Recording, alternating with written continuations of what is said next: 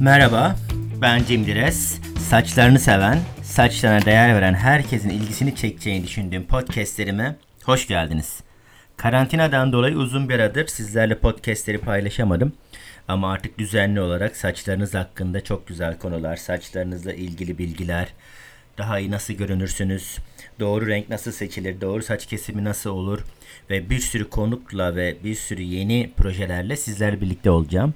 Karantinadan Metin Hara'yla çok sevdiğim sevgili Metin Hara'yla çok keyifli bir sohbet gerçekleştirmiştik. Onun konuğu olmuştum. Ee, ve uzun zamandır da vakit bulamadığım için paylaşamamıştım sizlerle. Bugün sizlerle onu paylaşıyor olacağım. Keyifli dinlemeler.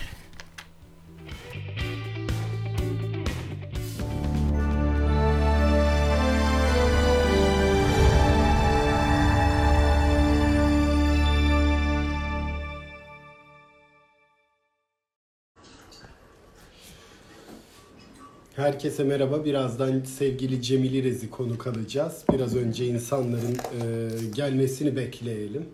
Arada sorular olabilir. Yavaş yavaş insanlar da gelmeye başladılar. Bir ara sizlerden birini de konuk alabiliriz. E, bununla ilgili talepleri olanlar lütfen e, söylesinler. Sosyal medyada, YouTube'umuza, Instagram'ımıza yazsınlar. Biz arada bekliyoruz. Bakalım sevgili Cemil İrez geldi mi? Babam da gelmiş durumda. Akademiden de insanları görüyoruz. Bakalım mı? Vay sevgili Erol Suri de geldi. Benim çocukluk arkadaşım olur kendisi. Merak ediyoruz dedi. Ortaklarım da geliyor ve Cemil İrez'e geldi. Bekliyoruz arkadaşlar. Şu anda bağlandık sanırım. Merhaba herkese. Cemil'cim nasılsın? Çok iyiyim Metin'cim sen? Senin de saçlar uzamış. Evet ben de biraz yoldan çıktım evde böyle. Saçlar biraz E, birbirine girdi. Yardıma ihtiyacın varsa ben geleyim asistanlık yapayım. Ee, vallahi fena olmaz şuralardan biraz. Seninkiler çok güzel olmuş. Evet evet şu anda rakip yetiştiriyoruz. Vallahi ben beğendim, çok beğendim. Nasılsın? Ben önce insanları bir anlatmak istiyorum. Cemil İrez e, hem benim kuaförüm ve birçok tanıdığınız insanın, çok değerli insanların, tanınan insanların kuaförü.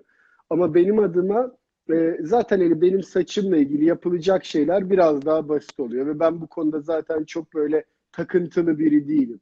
Ama benim Cemil'e gitmem her seferinde bir terapi gibi. Çünkü bence zamanın çok ötesinde bir şekilde Cemil bazen e, kendi işte Hakan Köse e, kuaför dükkanı kapatıyor. İçerideki ekibe meditasyon eğitimleri veriyor, nefes eğitimleri veriyor. İnsanları karşılamasını diliyorum. E, ne kadar düzgün bir şekilde insanların aslında kuaför de bir terapi yeri ya. E, Cemil'in bence insanlığından da öğrenecek çok şeyimiz var. Zaten o bütün çok değerli bir dünya markasının eğitmeni. Ee, sürekli de benim gibi ben Amerika'ya giderken o Güney Amerika'ya gidiyordu, Afrika'ya gidiyordu. Birçok değerli kuaför meslektaşının da eğitmeni. Ama bizim açımızdan önemli olan ve daha değerli kısmı mesleki bir konuşma olmayacağı için Cemil'in insanlığı ben bu konuda çok şey paylaşabileceğini biliyorum. O yüzden yavaş yavaş başlarız kafamıza göre. Aynen. Şöyle bir şey, e, insanlar aslında kuaföre geldiğinde bir noktada hani bunun psikolojik tarafı var, bunun içsel yolculuk tarafı var ama genelde gelen insanlar e, bir noktada bir terapi oluyorlar. Kendine güvenleri Evet. yerine geliyor, bir sürü şey. E, bir saça yapılabilecekler, e, çok cahilce söyleyeceğim ama bir yere kadar. Yani çok Bence doğru söyledin. İnsan faktörünü sen çok iyi kullanıyorsun. Herkes de seni çok seviyor. Yani Teşekkür Çağla ederim. da Tabii. seviyor, Bengü de seviyor. Herkes seni çok seviyor.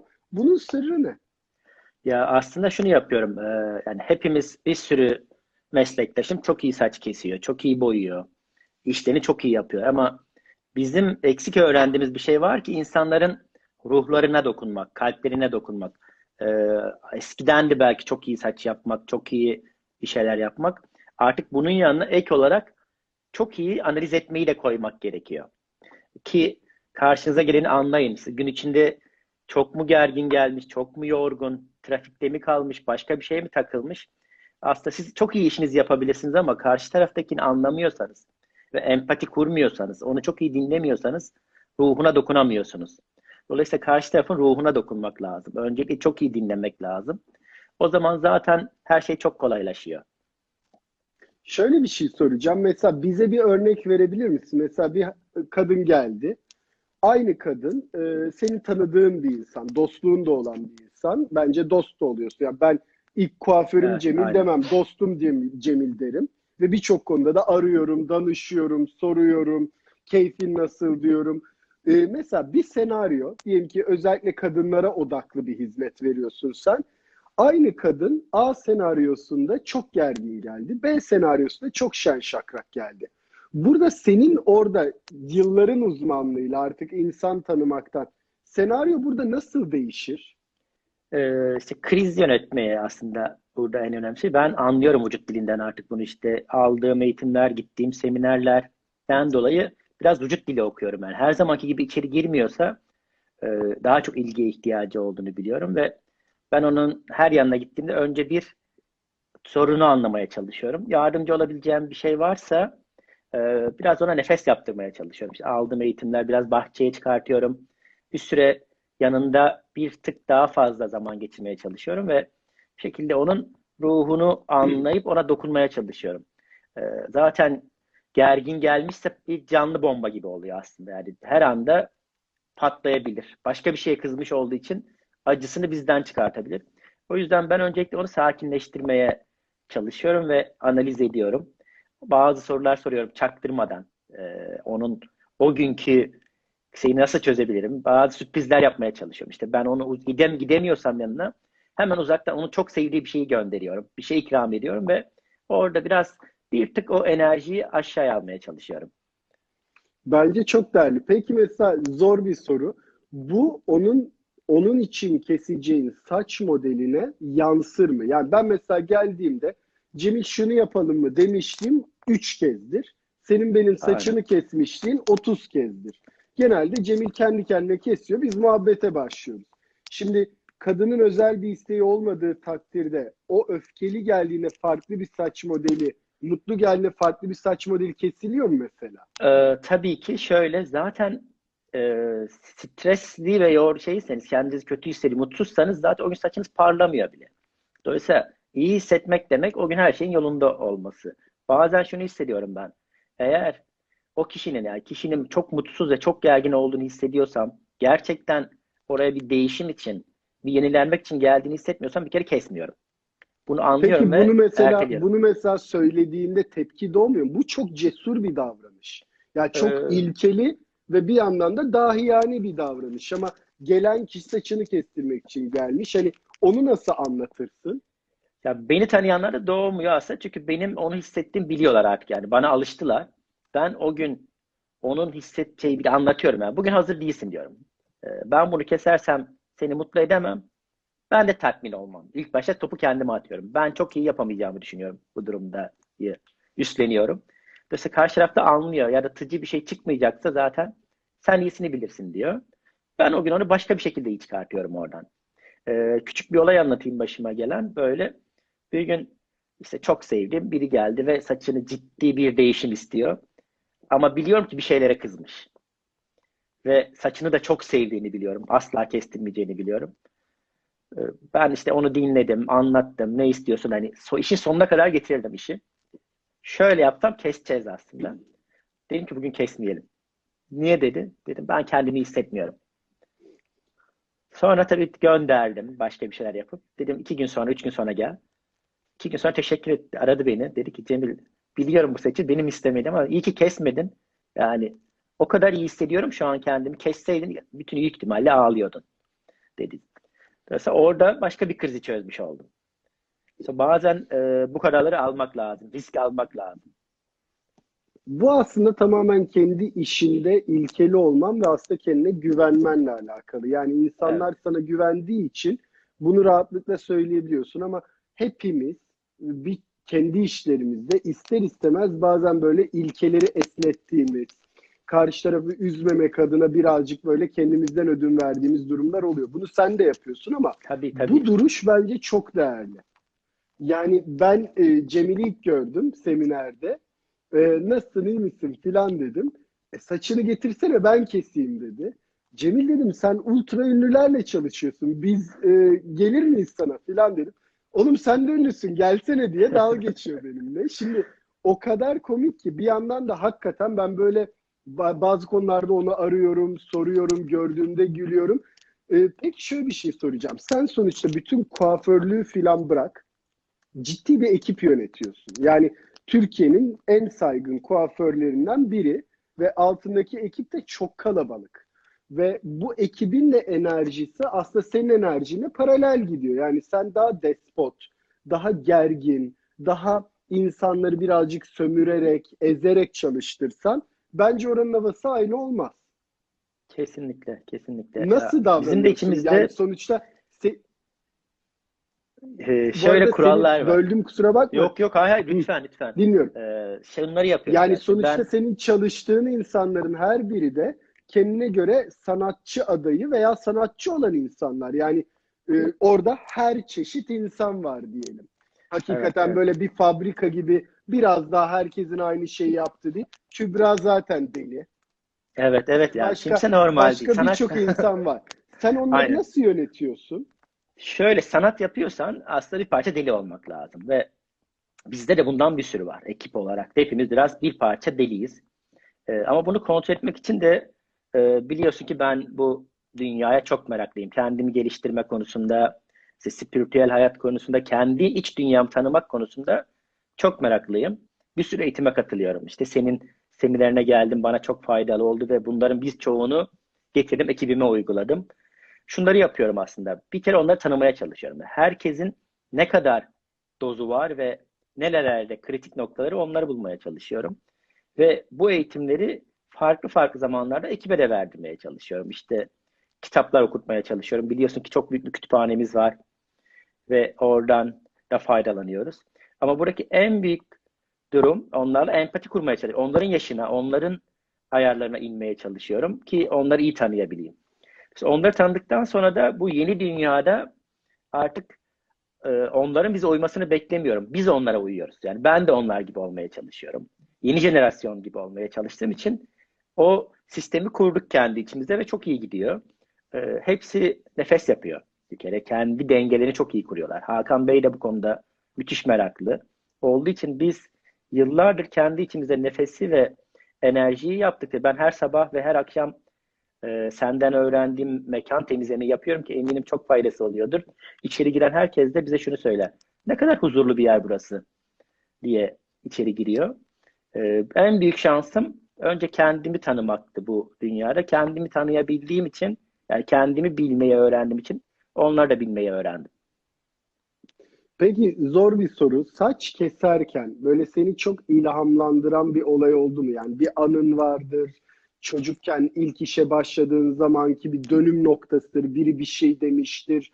Tamamen böyle e, hani insanlara şunu anlatmaya çalışıyorum. Her merkez, her, her meslek, her eylem kendi içerisinde bir kutsallık ve ilahilik taşıyabilir. Aynen. Biz onu görmek istemiyoruz. Yani çocuğun gözünde görüyoruz ama acı çeken bir yetişkinde görmüyoruz.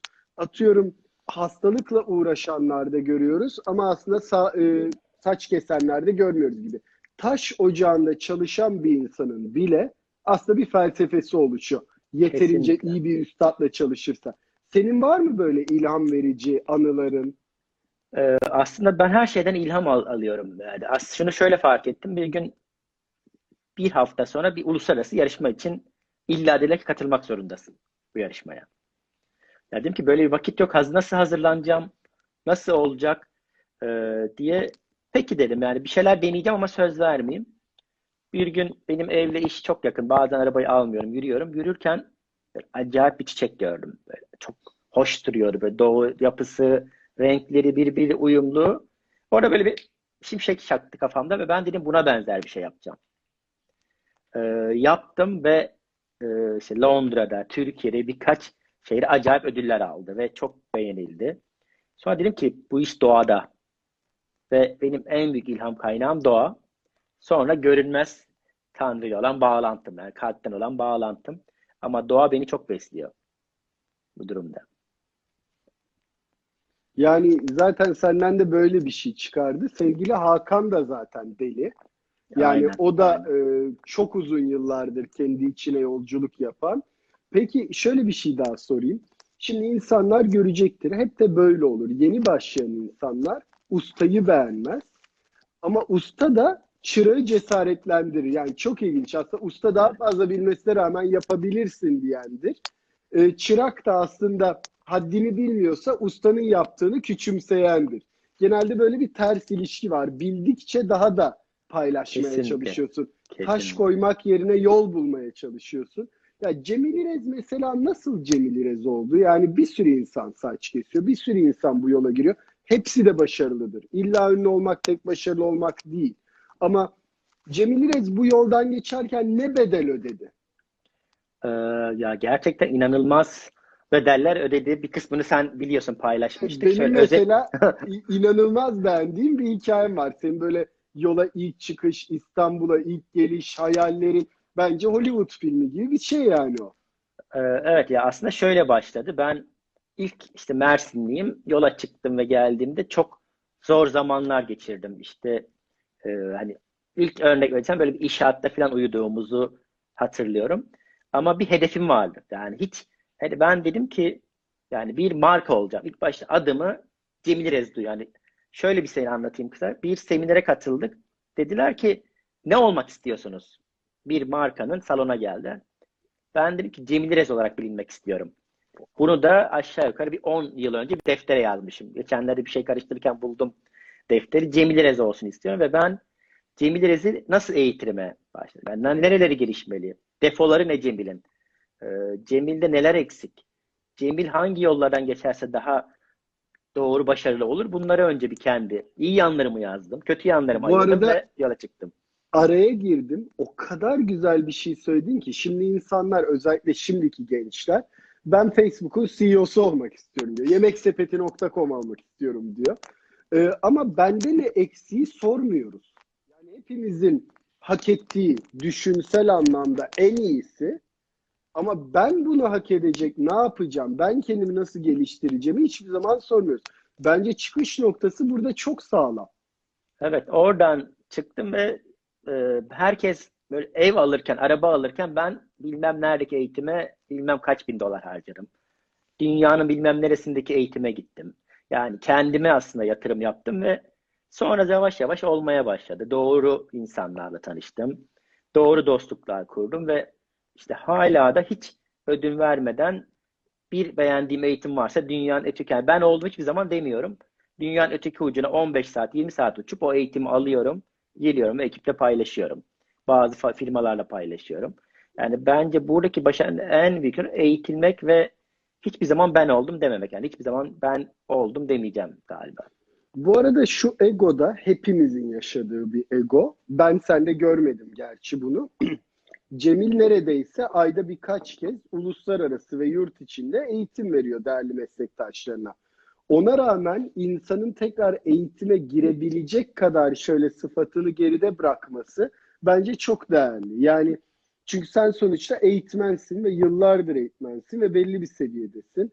Ee, her zaman onu bırakmak herkes için kolay olmuyor.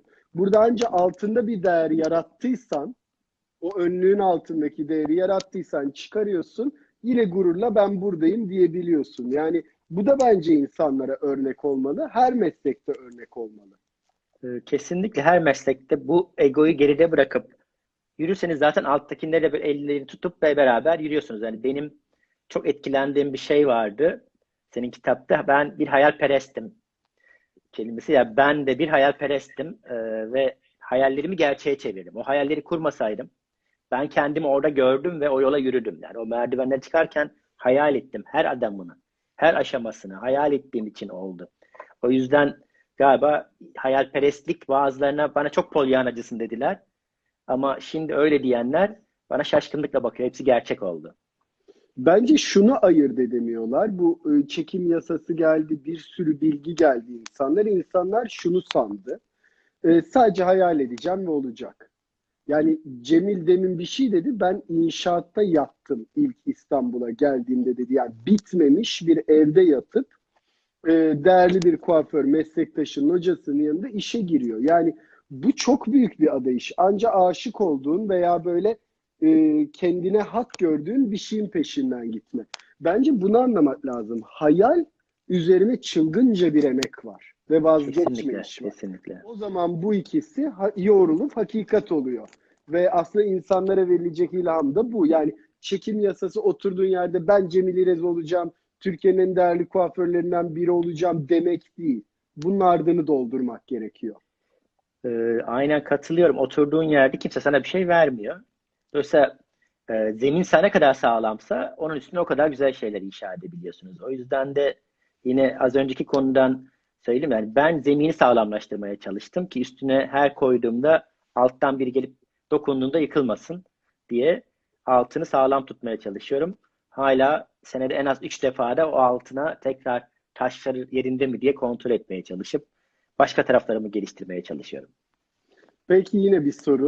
Mesela insanların bu saç rengiyle ilgili e, veya yapılacak modelle ilgili sence kesimi kesim kadar sana olan güveni ve senin sunumun etkili mi? Yani şöyle bir test yapsak. E, gerçekten kuaförüyle hiçbir bağı yok. E, iki senaryo paralel evrenlerde kadın girdi.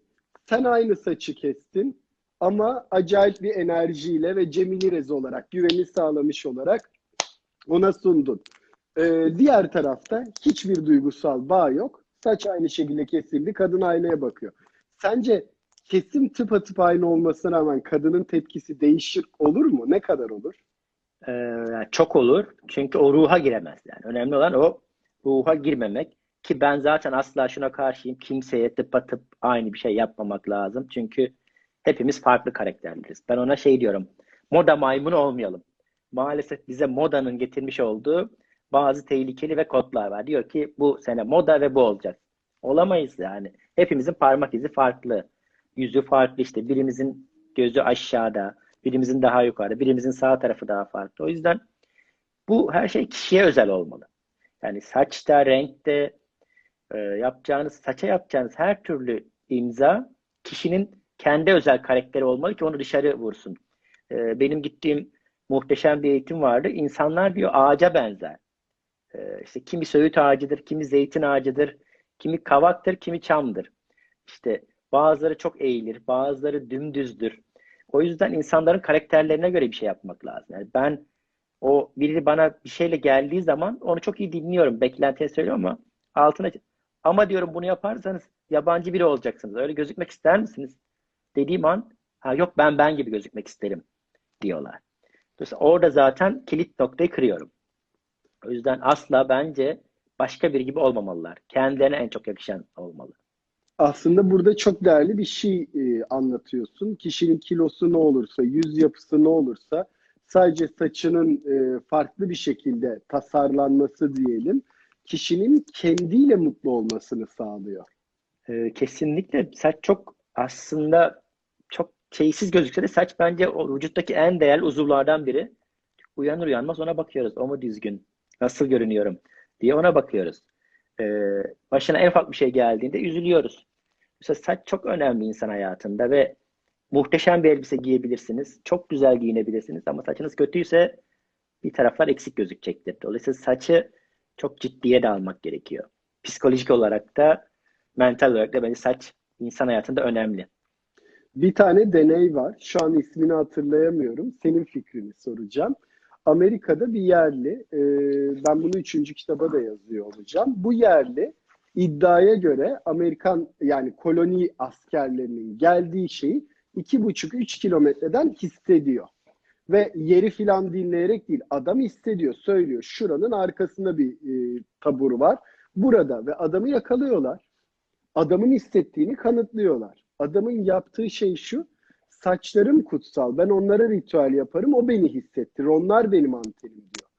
Hakikaten inanılmaz bir şey. Bu inanılmaz ilgi çekici bir şey. Adamın saçlarını kazıyorlar, deniyorlar. Ve adam hissedememeye başlıyor. Sonrasında saçları uzadıkça adamın hisleri geri gelmeye başlıyor. Uzak Doğu tıbbında da saçlara dikkat ediyorlar. Ee, o yüzden böyle ilginç bir şey var. Ne kadar doğru, nasıl ama hikaye çok çok ilginç. En azından merak uyandırıcı. Bununla ilgili çok hikayeler var. Yani saçlar yüzyıllar önce adaklar yapılırken de işte Mısır tanrılarının saçlara olan ilgisiyle de bazı dinlerde saçların kutsal olup e, bir sürü yapılan şey Tabii. kesmiyorlar. E, adaka diyorlar. Ve farklı farklı ritüelleri var yani. Kendini işte güç sembolü bazı noktalarda benim öyle izlediğim ya da okuduğum kitaplarda da bazı tanrıların saçları kesilince güçlerini kaybettiklerine buna benzer hikayeler de var. E, dolayısıyla saç bence geçmişten ve günümüze çok değerli. Sadece biraz yeni dünyayla birlikte eskisi kadar e, yeni çıkan yöntemlerle işte uzatmalarla falan daha hafif alındı. Ama saç bence çok değerli insan için.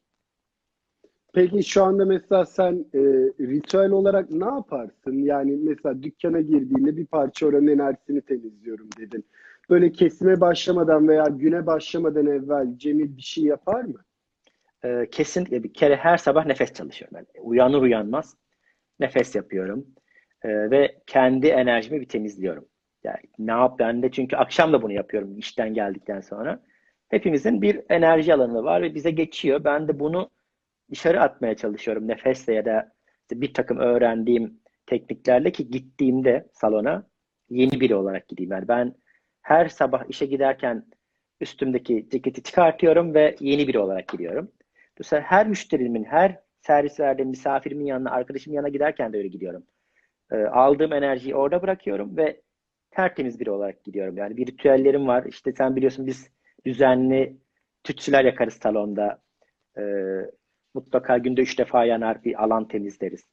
Ben arada beş dakika bile vakit bulsam küçük odaya girip orada bir nefes çalışması yaparım ki üstümden atayım onu hem yaratıcılığım yerine gelsin.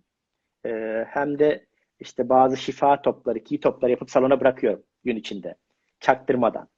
E, kötü hissettiğim birine de bunu uzaktan yapıyorum. İşte çaktırmadan elimi böyle tutuyorum. Bir şekilde bırakıyorum karşı böyle çok ya ben geldim ve çok kötüyüm. Cemil bir şey oldu acayip hissediyorum. Ses belim ağrıyor, başım ağrıyor. Geçti buraya. Çok bizde olur ve e, bunlar benim hayatımın ritüeli. Bunu hiç bu süreçleri hiç bırakmadım.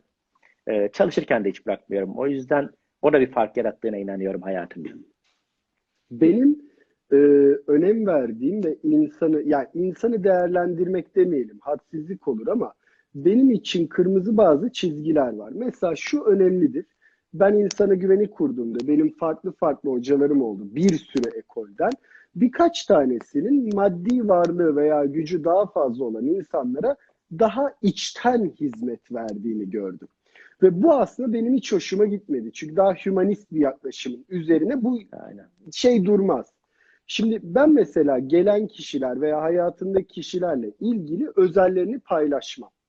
Ama baktığımızda neredeyse etrafımızdaki %99 insan bu özelleri çok güzel paylaşır, dedikodu yapar. Ben mesela bu kadar yıldır seni tanıyorum. Her konuda konuştuk. İlişkiler konusunda konuştuk. Ee, nasıl saç kestiğin, ruh hali, içsel yaşam, dünya, ekonomi her şeyi konuştuk. Ben senin hiç dedikodu yaptığını görmedim. Ya ben Çağla derim işte atıyorum televizyon programına gel. Ya Çağla'da bir tanedir dersin. Yani ben bir gün olsun e, lafın gelişi ya muhabbetin ortasında bile kimleri tanıdığını ve kimlerle çalıştığını biliyorum. Bir kişiyle dedikodu yaptığını görmedim. Bence bu çok büyük bir self disiplin. Yani kişinin kendi kendine asla ve asla bu insanların özelinin üzerine basarak yükselmeye çalışmaması bence çok büyük bir disiplin ve çok büyük bir insanlık dersi.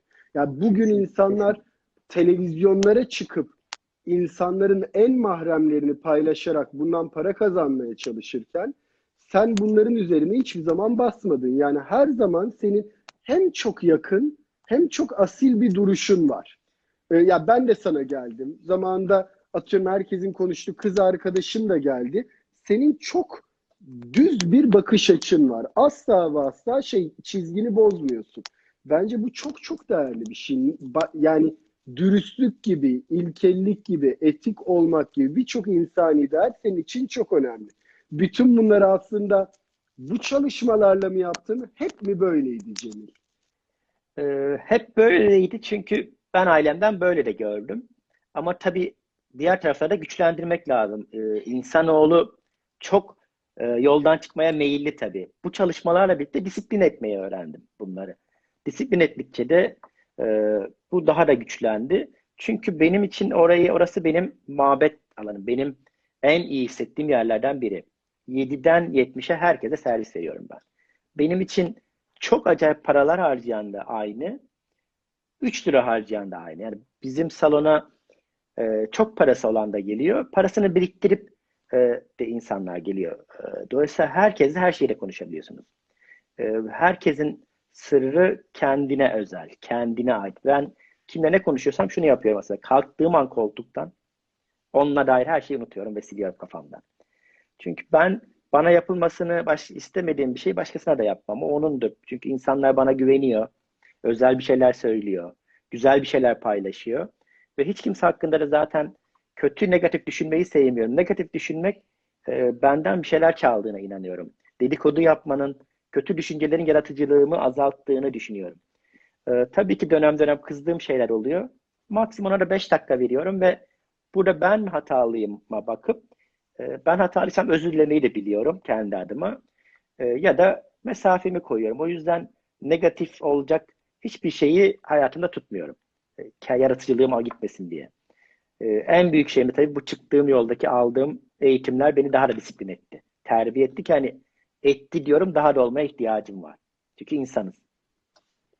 Daha ne diyeyim? Helal olsun sana ya. Hakikaten ben seni özlüyorum. Ben birkaç Ben şey de çok söyleyeyim. Ya, e, Cemil'i e, Cemil'e gidiyorum filan diye. Ben normalde biliyorsun hani saç konusunda bir takıntısı olan veya bir iddiası olan biri Aynen. değilim. Böyle dağınık dağınık takılıyorum. Ama mesela sana gelirken ben keyifle geliyorum ki normalde ben biraz zaman kaybı diye bakardım. Yani çok böyle ayna karşısında olan biri diyeyim, çok saçıyla uğraşan biri diyeyim. Ya bir saat geçsin de hani kesilmiş olsun aradan çıkarayım görev gibi. Ben mesela gidiyorum, seni görüyorum. Ara ara yakından geçerken uğruyorum, sarılıp gidiyorum. Genelde de insanlarla böyle oluyor. Deli Kübra var zaten. O başkasına Evet, dokundurtmuyor saçı. O da bir geleceğin e, müthiş yaratıcılarından biri olacak. Bence sektörde başarılı olacaklardan biri. Yani şey olarak. Yani çok Benden kitabı işte. istedi istedi imzalı. İmzalı kitabı istedi istedi. Ondan sonra okumadı. Ona söyle bu yayından Şimdi okuyormuş. Ee, geçen gün konuştum böyle hepsiyle bir. Ne yapıyorsun filan. Okumaya başladım dedi çünkü çok boş vakti var. Ee, şu anda okuyor artık. İyi hadi bakalım. Peki şöyle bir şey. E, senin herhangi soracağın bir şey varsa ne olur sen de sor. Tamamen sohbet Ee, tabii tabii ama ben senin o kadar güzel sorular soruyorsun ki çok can alıcı noktalar. Ben bunlara cevap vermeyi zevkle tercih ediyorum. Peki e, bu süreçte aslında çok dev bir e, ekip yönetiyorsun ve bu ekibin birçoğu da kalifiye insanlar. Yani İstanbul'un göbeğinde de çok güzel bir yer var. Yani oturup çay içsen, kahve içsen, meyve suyu içsen bile oturulabilecek çok cici bir bahçe var. E, bu süreçte mesela bütün işler durmuş durumda bu salgın yüzünden. Cemil böyle hiç hoplamadı mı? Sen sonuçta başarılı bir iş insanısın da. Yani bir yandan sen bu uzmanlık alanı yani uzmanlığın var ve kendi işini icra ediyorsun ama bir yandan da bir ekip liderisin. E bu ekip lideri olduğunda, bu süreçte kapanmalar olduğunda maddi anlamda veya kariyer anlamında böyle biraz sarsılıyor herkes. Benim dört tane sınıf eğitimim iptal oldu mesela. Bir böyle panikledik önce ya ne yapacağız filan sonra adapte olduk. Sende nasıl oldu bu süreç? Ee, yani ben bu işe aşık olarak, olan biri olarak acayip bir başta ben çalışmadan nasıl duracağım diye bir acayip sarsıldım. Ee, ama dedim ki bu işte de bir hayır var. Yani bunu nasıl yönetiriz diye bir baktım ve ilk 2-3 gün hiçbir şey yapmadan durdum. Sonra hemen bir Zoom ekibi kurduk. Ekiple beraber bütün e, şimdi her hafta çarşamba günleri toplanıyoruz ve neler yapabiliriz? Ne sorunlar var? Kimin neye ihtiyacı var? E, bir şekilde başta birbirimizi tedavi ediyoruz. Yani ihtiyacı olana yetişiyoruz. Parası olmayan aramızda topluyoruz. E, işte ekibin ve Hakan Köse'nin elinden geldiğince yaptığı bir şeyler var. Ama buradaki en büyük sorun dövünmüyoruz aslında. Yani ilk başta korktuk ne olacak diye. Ama hepimizin yapmadığı şeyler vardı. İşte dedik ki ne yapmak istersiniz? Bu hafta ne konuşalım? İşte kimi dedi ki şuram eksik bunu doldurun. Bu hafta onun üzerine yönelmeye başladık. Ee, bazı ki İngilizce öğrenelim, aramızda challenge yapalım. işte aramıza challenge yapmaya başladık. Ee, ve birbirimizi arıyoruz sürekli. Dolayısıyla bunu en büyük şey sevgiyi yönetme. Aramızdaki sevgiyi bitirmedik ve devam ediyoruz. Birbirimizi özlediğimizi söylüyoruz ve aramıza küçük küçük meydan okumalar yapıyoruz. İşte o ben bu kadar İngilizce öğrendim, sen ne öğrendin? O ne öğrendi? Bunları yapmaya başladıkça aslında birbirimizi ne kadar sevdiğimiz, ara tabii herkes nasıl bir sürtüşmeler oluyor. Bu kadar kalabalık çalışmak çok enteresan bir şey. Ee, aslında bunların ne kadar boş olduğunu öğrendi arkadaşlarım. Ee, çalışmanın ne kadar değerli olduğunu, insanın işinin olmasını, arkadaşlarım onu öğrendi ve bu bize bir yol açtı. Ben kendimde de bazı şeyleri erteliyormuşum, farkında değilim. Onu öğrendim ve çok güzel süreç yönettim kendi içimde. Ee, ve podcast yapmak istiyorum uzun zamandır. Bir podcast ya. yaptım. Ee, yayında şimdi. E, Nereden işte, dinleyebiliyoruz bunu? Şimdi iTunes Podcast'ten ve Spotify'dan dinleyebiliyoruz. Saçlar hakkında her şey isimli bir podcast yaptım bu süreçte. Bir e, kitap yazmaya başladım. Ne hakkında? Ee, bu bir e, ilk başta şeyi yazmak istiyorum. Kendi hayatımı yazmak istiyorum ama ben çocukluğumdan beri kafamda bir hikaye var. Bir borderline bir hayal şeyi yazıyorum. Dünyasında olan bir birini yazıyorum ve onun başından geçenleri yazıyorum. Ee, çok da ben işte çok severim psikoloji, çok okumuştum borderline'larla alakalı bir şey ve bunun hakkında bir e, roman yazıyorum. E, bir şeyler geliyor, bilmiyorum nasıl oluyor ama bir hayal gücüm. Ona başladım, o ilerliyor bir yandan. Ee, işte YouTube çekmeyi istiyorum ama onun için salonda olamam en azından alt başlıklarını doldurdum. Ee, notlar alıyorum işte çok değişimden korkma sloganı için inşallah her şey düzelirse muhteşem bir proje var kafamda ve onu yapmak için bir yandan hazırlıklar yapıyorum ve bunu da arkadaşlarımla paylaşıyorum işte ekiple paylaşıyorum. Ee, onlara dışarıdan online terapiler aldırıyoruz. Hep beraber online terapiler almak adına bazı şeyler yapıyoruz. Böyle yönetiyoruz ve şu anda iyi gidiyor. Tabii çok özledik. Ee, çok seviyorum ben Hakan Köse markasını ve o salonu. Çalışanların hepsini acayip özledim. Ama bunların geçeceğini düşünüyorum ve e, ilk başta kendimi sakin tutmaya çalışıyorum. Yani şimdi birçok değerli dostumuzla konuşuyoruz. Hakikaten açık ara en iyi açıklamalardan biriydi. Yani ben her seferinde seni ne kadar sevdiğimi ve saygı duyduğumu görüyorum. Yani insanların alakasız diyeceği, aslında bizim alakası olmadığını bildiğimiz ama bir saç kesim tasarım merkezindeki çalışanlarına İngilizce öğrenmeleri için emek harcamak, bütün ekibin birbirine sahip çıkması bence çok değerli. Çünkü şunu düşünebilirler Cemil. Benim bir sürü arkadaşım var. Ben işte sağ olsun ailem dolayısıyla Amerikan okulundan mezunuyum. Zaten bunu bilerek şey yaptım ama diyorum ki dünyayı gezeceğim, vizyonun açılacak, öğren şu İngilizceyi diyorum. Birçok sevdiğim arkadaşım e, emek vermediler. Aslında hiçbir şey de yapmadılar. Bu süreçte bunu yapamıyorsak o zaman buradan gelişiriz diyen bir bilinç bence çok yetenekli bir bilinç. Çünkü bir sürü insan korkuya düştü. Onlar da yanlış değil. Hepimiz insanız. Korku ilk hissimiz ve çok doğal. Korkuyla ne yaptığımız ise bir seçim. Ben korkuyorsam organizma olarak demek ki dış koşullara göre güçsüz, yeteneksizim. Ben bu gücü nasıl arttırır? Bu yetenek ve dayanıklılığı nasıl arttırma gidiyorum? Aslında siz de tamamen bunu yapmışsınız. Ee, yani bazen korkular iyi bir şey. Yani senin kitabında okumuştum mu yanlış düzelt beni. Bir korkuyla bir aslanla mı bir şey vardı orada. Evet. Yani korkuyla bazen yapamayacağınız acayip şeyler yapabiliyorsunuz. E, dolayısıyla korkuyu da iyi yönetirseniz ben kendi adıma düşünüyorum. E, bazı şeyleri çok hızlıca yapabiliyorsunuz. Ya da bazı gelişmemiş taraflarınızı çok hızlı geliştirebiliyorsunuz. Çünkü yaşamak için savaş vermek durumunda çalışıyoruz. Ben hiçbir, tabii ki korktum birkaç gün ama bunu avantaja çevirmek istedim. E, çok güzel şeyler ortaya çıktı. Yaratıcı olduğumu düşünmediğim şeylerde de aslında bir takım yaratıcılık varmış. Onları ortaya çıkarttım. Ee, korku da ego da bir parça olmalı insanda ki galiba güçlensin ve ilerlesin diye düşünüyorum. Peki. Bunları yönetmek lazım galiba. Zor bir şey soracağım. Yüzde yüz dürüst cevap vereceğim. Söz mü? Tabii ki. Söz, söz. Senin gibi mesle senin gibi mesleğinde meslektaşın olup başarılı olan insanlarla ilişkin nasıl? Ee, bir kere hepsini beğendiğim bir şeye mutlaka arayıp eline sağlık çok güzel olmuş diyorum. Yani böyle dışarıda baktığımda sektörden çok yeni yetenekler görüyorum ve mutlaka like'lıyorum ve altına yorum yazıyorum. Çünkü onlar bana göre insanın rakibi olmalı.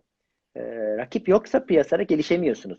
Çünkü olduğunuz yerde ama rakip varsa diyorsunuz ki Aa, ben bunu yapmış ve ben ondan daha iyi bunu yapmam lazım ve ondan da ilham almak. Ben rakiplerimden de ilham alıyorum. Ee, ve mutlaka da söylüyorum, onur ediyorum onları. Yaşı büyük, küçük fark etmiyor. Mutlaka beğendiğim bir şeyi eline sağlık, çok güzel olmuş diyorum. Peki onlardan gelen tepkine mesela ben benim eğitim eğitim verdiğim konularda öğrenciyken kendi hocalarımın bir ufacık alkışına hayran olurdum. Yani onu lıkır lıkır içerdim.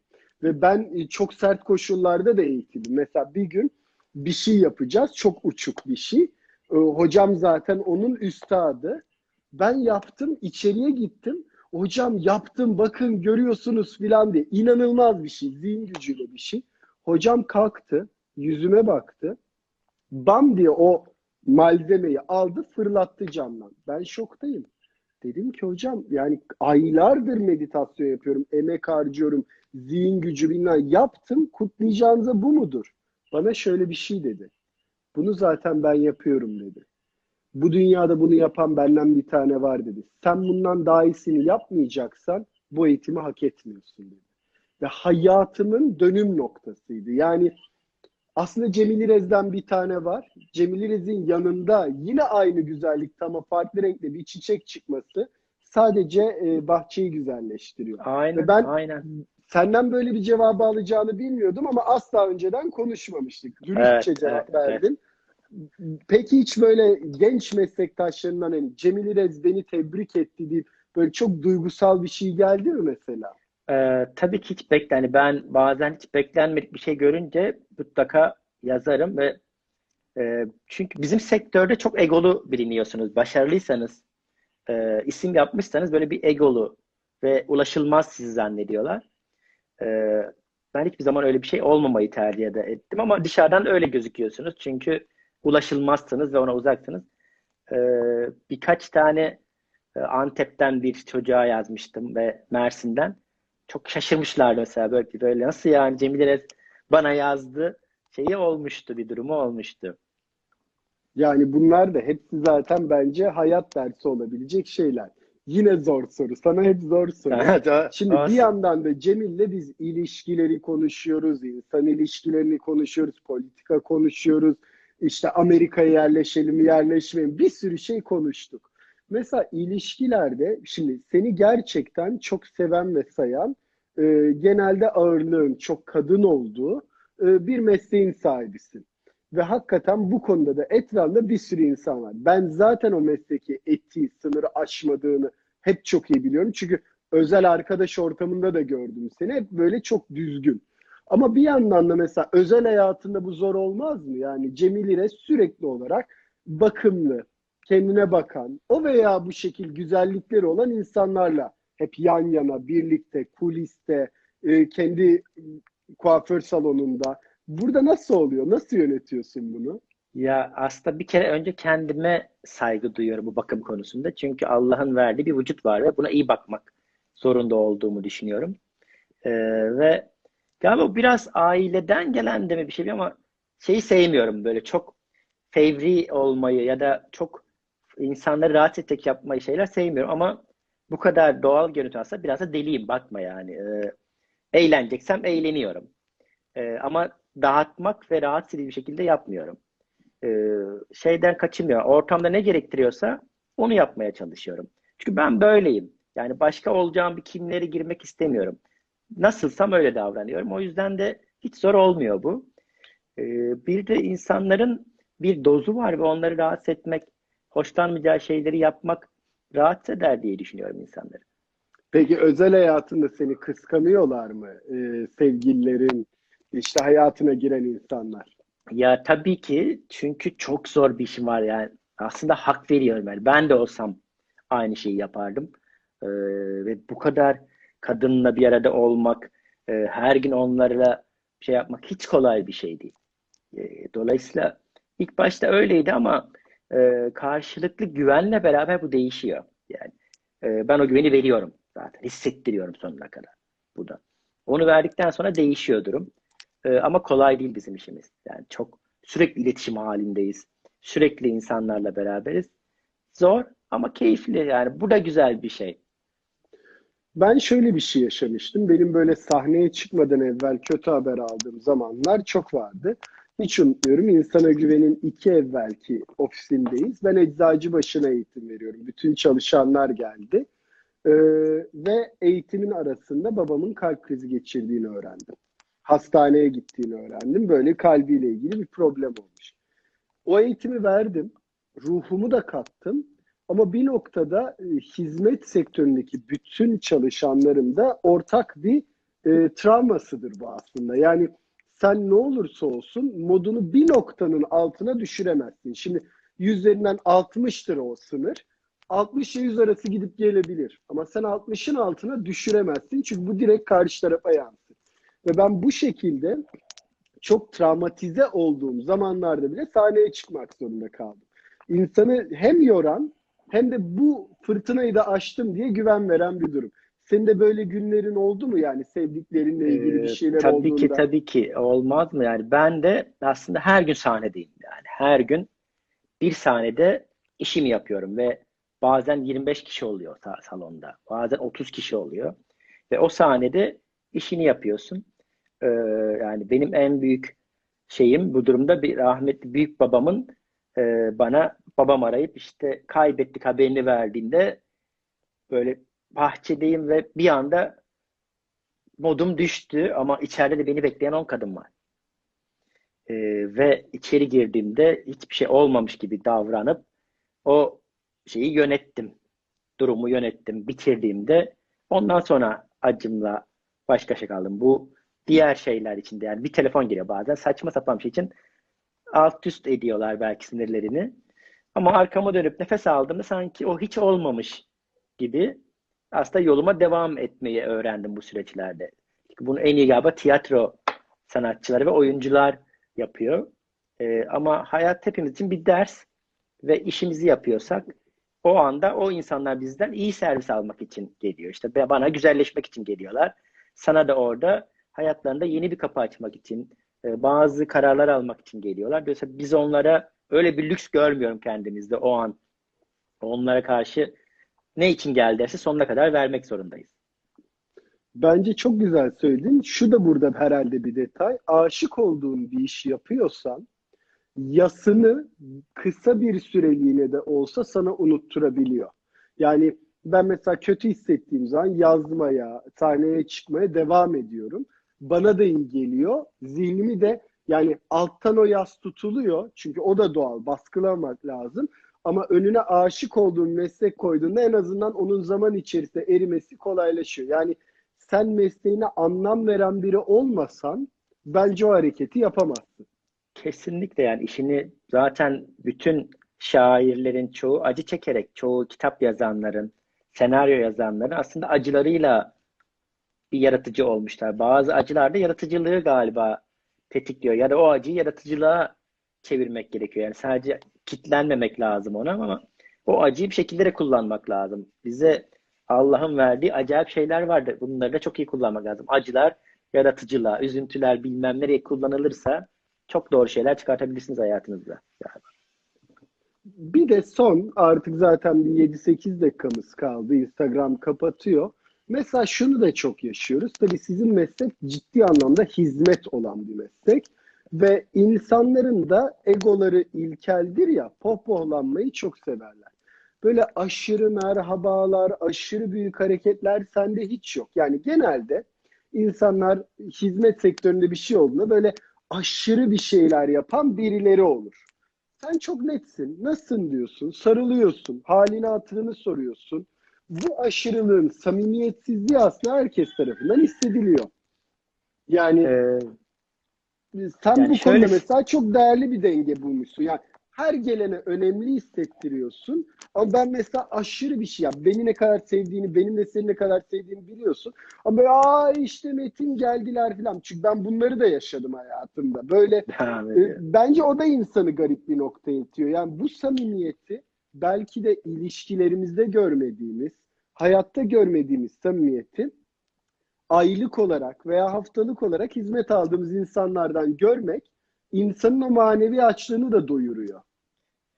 Ya kesinlikle ama bu çok ileriye gitmemeli. Buradaki bir kontrol lazım. Ben bakma yani bu kadar sosyal biri olmama rağmen çok utangaç biriyim de yani insanlar arasında çok utanırım böyle. Her zaman çok konuşmayı ya da konuşabilen biri değilim ki zaman içerisinde aldığım eğitimlerle beraber bu güçlendi. Ee, bence mesafeyi korumak lazım. Biz kadına dokunan insanlarız. insana dokunan e, insanlarız. İnsan evladına dokunan insanlarız ve bazı sınırları geçmemek lazım e, şey olarak ve bence herkesin de bir duvarı var. Belli bir şey, herkes her şeyi sevmeyebilir. E, ben de kendim olarak yani bir Cemil olarak şeyi sevmiyorum. Çok fazla labali olmak hoşuma gitmiyor. Sohbet etmeyi çok seviyorum. Karşılıklı konuşmayı çok seviyorum. İyi hissettirmeyi çok seviyorum ama o sarılmak e, benim aldığım eğitimlerde, yaptığım şeyler bana göre sarılmak dünyanın en büyük şifalanma şeylerinden biri ama o kadar.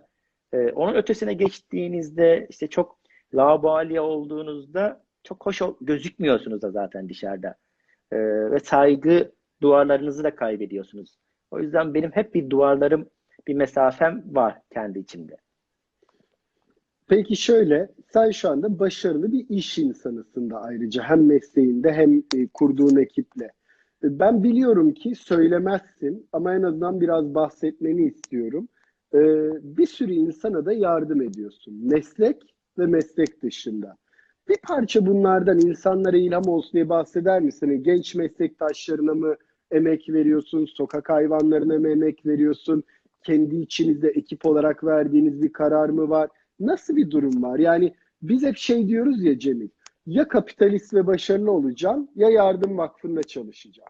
Halbuki yurt dışında filantrofi denilen bir şey var. Yani bir yandan para kazanırken bir yandan dünyanın daha iyi bir yer olmasına emek veren firmalar da var.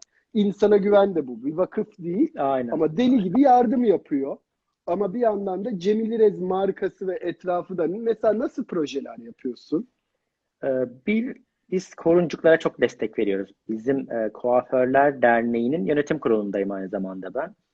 Ee, ve çok sevdiğimiz muhteşem bir markamız var. Ee, onunla beraber mutlaka her sene topladığımız bütün geliri orayı bağışlıyoruz. Ee, benim online'dan hiç tanımadığım iki kişiye yatırım yaptığım bir e, yer var ve mutlaka oraya her sene bir çocuğun, iki çocuğun masraflarını e, karşılıyorum. Öyle şey olarak, vicdan olarak. Benim çok hoşuma gidiyor. Onların ileride ismim kim olduğunu bilmiyorlar. Ben her ay paramı oraya otomatik olarak yatırıyorum. Ara ara bazı bir ekibimiz var. Benim bir tanıştığım seminerde 10 kişilik bir arkadaş ekibim var. Ara ara böyle bir para topluyoruz aramızda ya da bir organizasyon yapıyoruz. Bazı köy okullarına gidip onarıyoruz. Yani ihtiyaçlarını karşılıyoruz. Ee, işte önlükleri yoksa önlük, kitapları eksikse kitapları eksik ama bir pilot okul seçiyoruz. En son e, Şırnak'ta bir pilot okula yapıldı. Ondan önce bir Batman'da yapıldı. Ee, bunları tamamen gönüllü, isimsiz kahramanlar olarak yapıyoruz ve gönderiyoruz. Bazen biz de kalkıp atlayıp gidiyoruz. Bir, bir fırsat bulabiliyorsak. Bunlar bizi manevi olarak acayip besleyen şeyler. Ara ara da böyle ücretsiz seminerler yapıyorum. İşte gidiyorum hiçbir ücret almadan bir okula gidip kendi mesleğimi anlatıyorum. Nasıl yaptığımı, nasıl öğrendiğimi, onlara nasıl yol açılabilir, nasıl ilham alınabilir. Kuaför okullarında böyle hiçbir şey karşılığı olmadan gidip zevkle yapıyorum bunları. Ve manevi olarak da acayip hoşuma gidiyor. Yani e, tam Guru Talks'u yapma nedenimsin Cemil.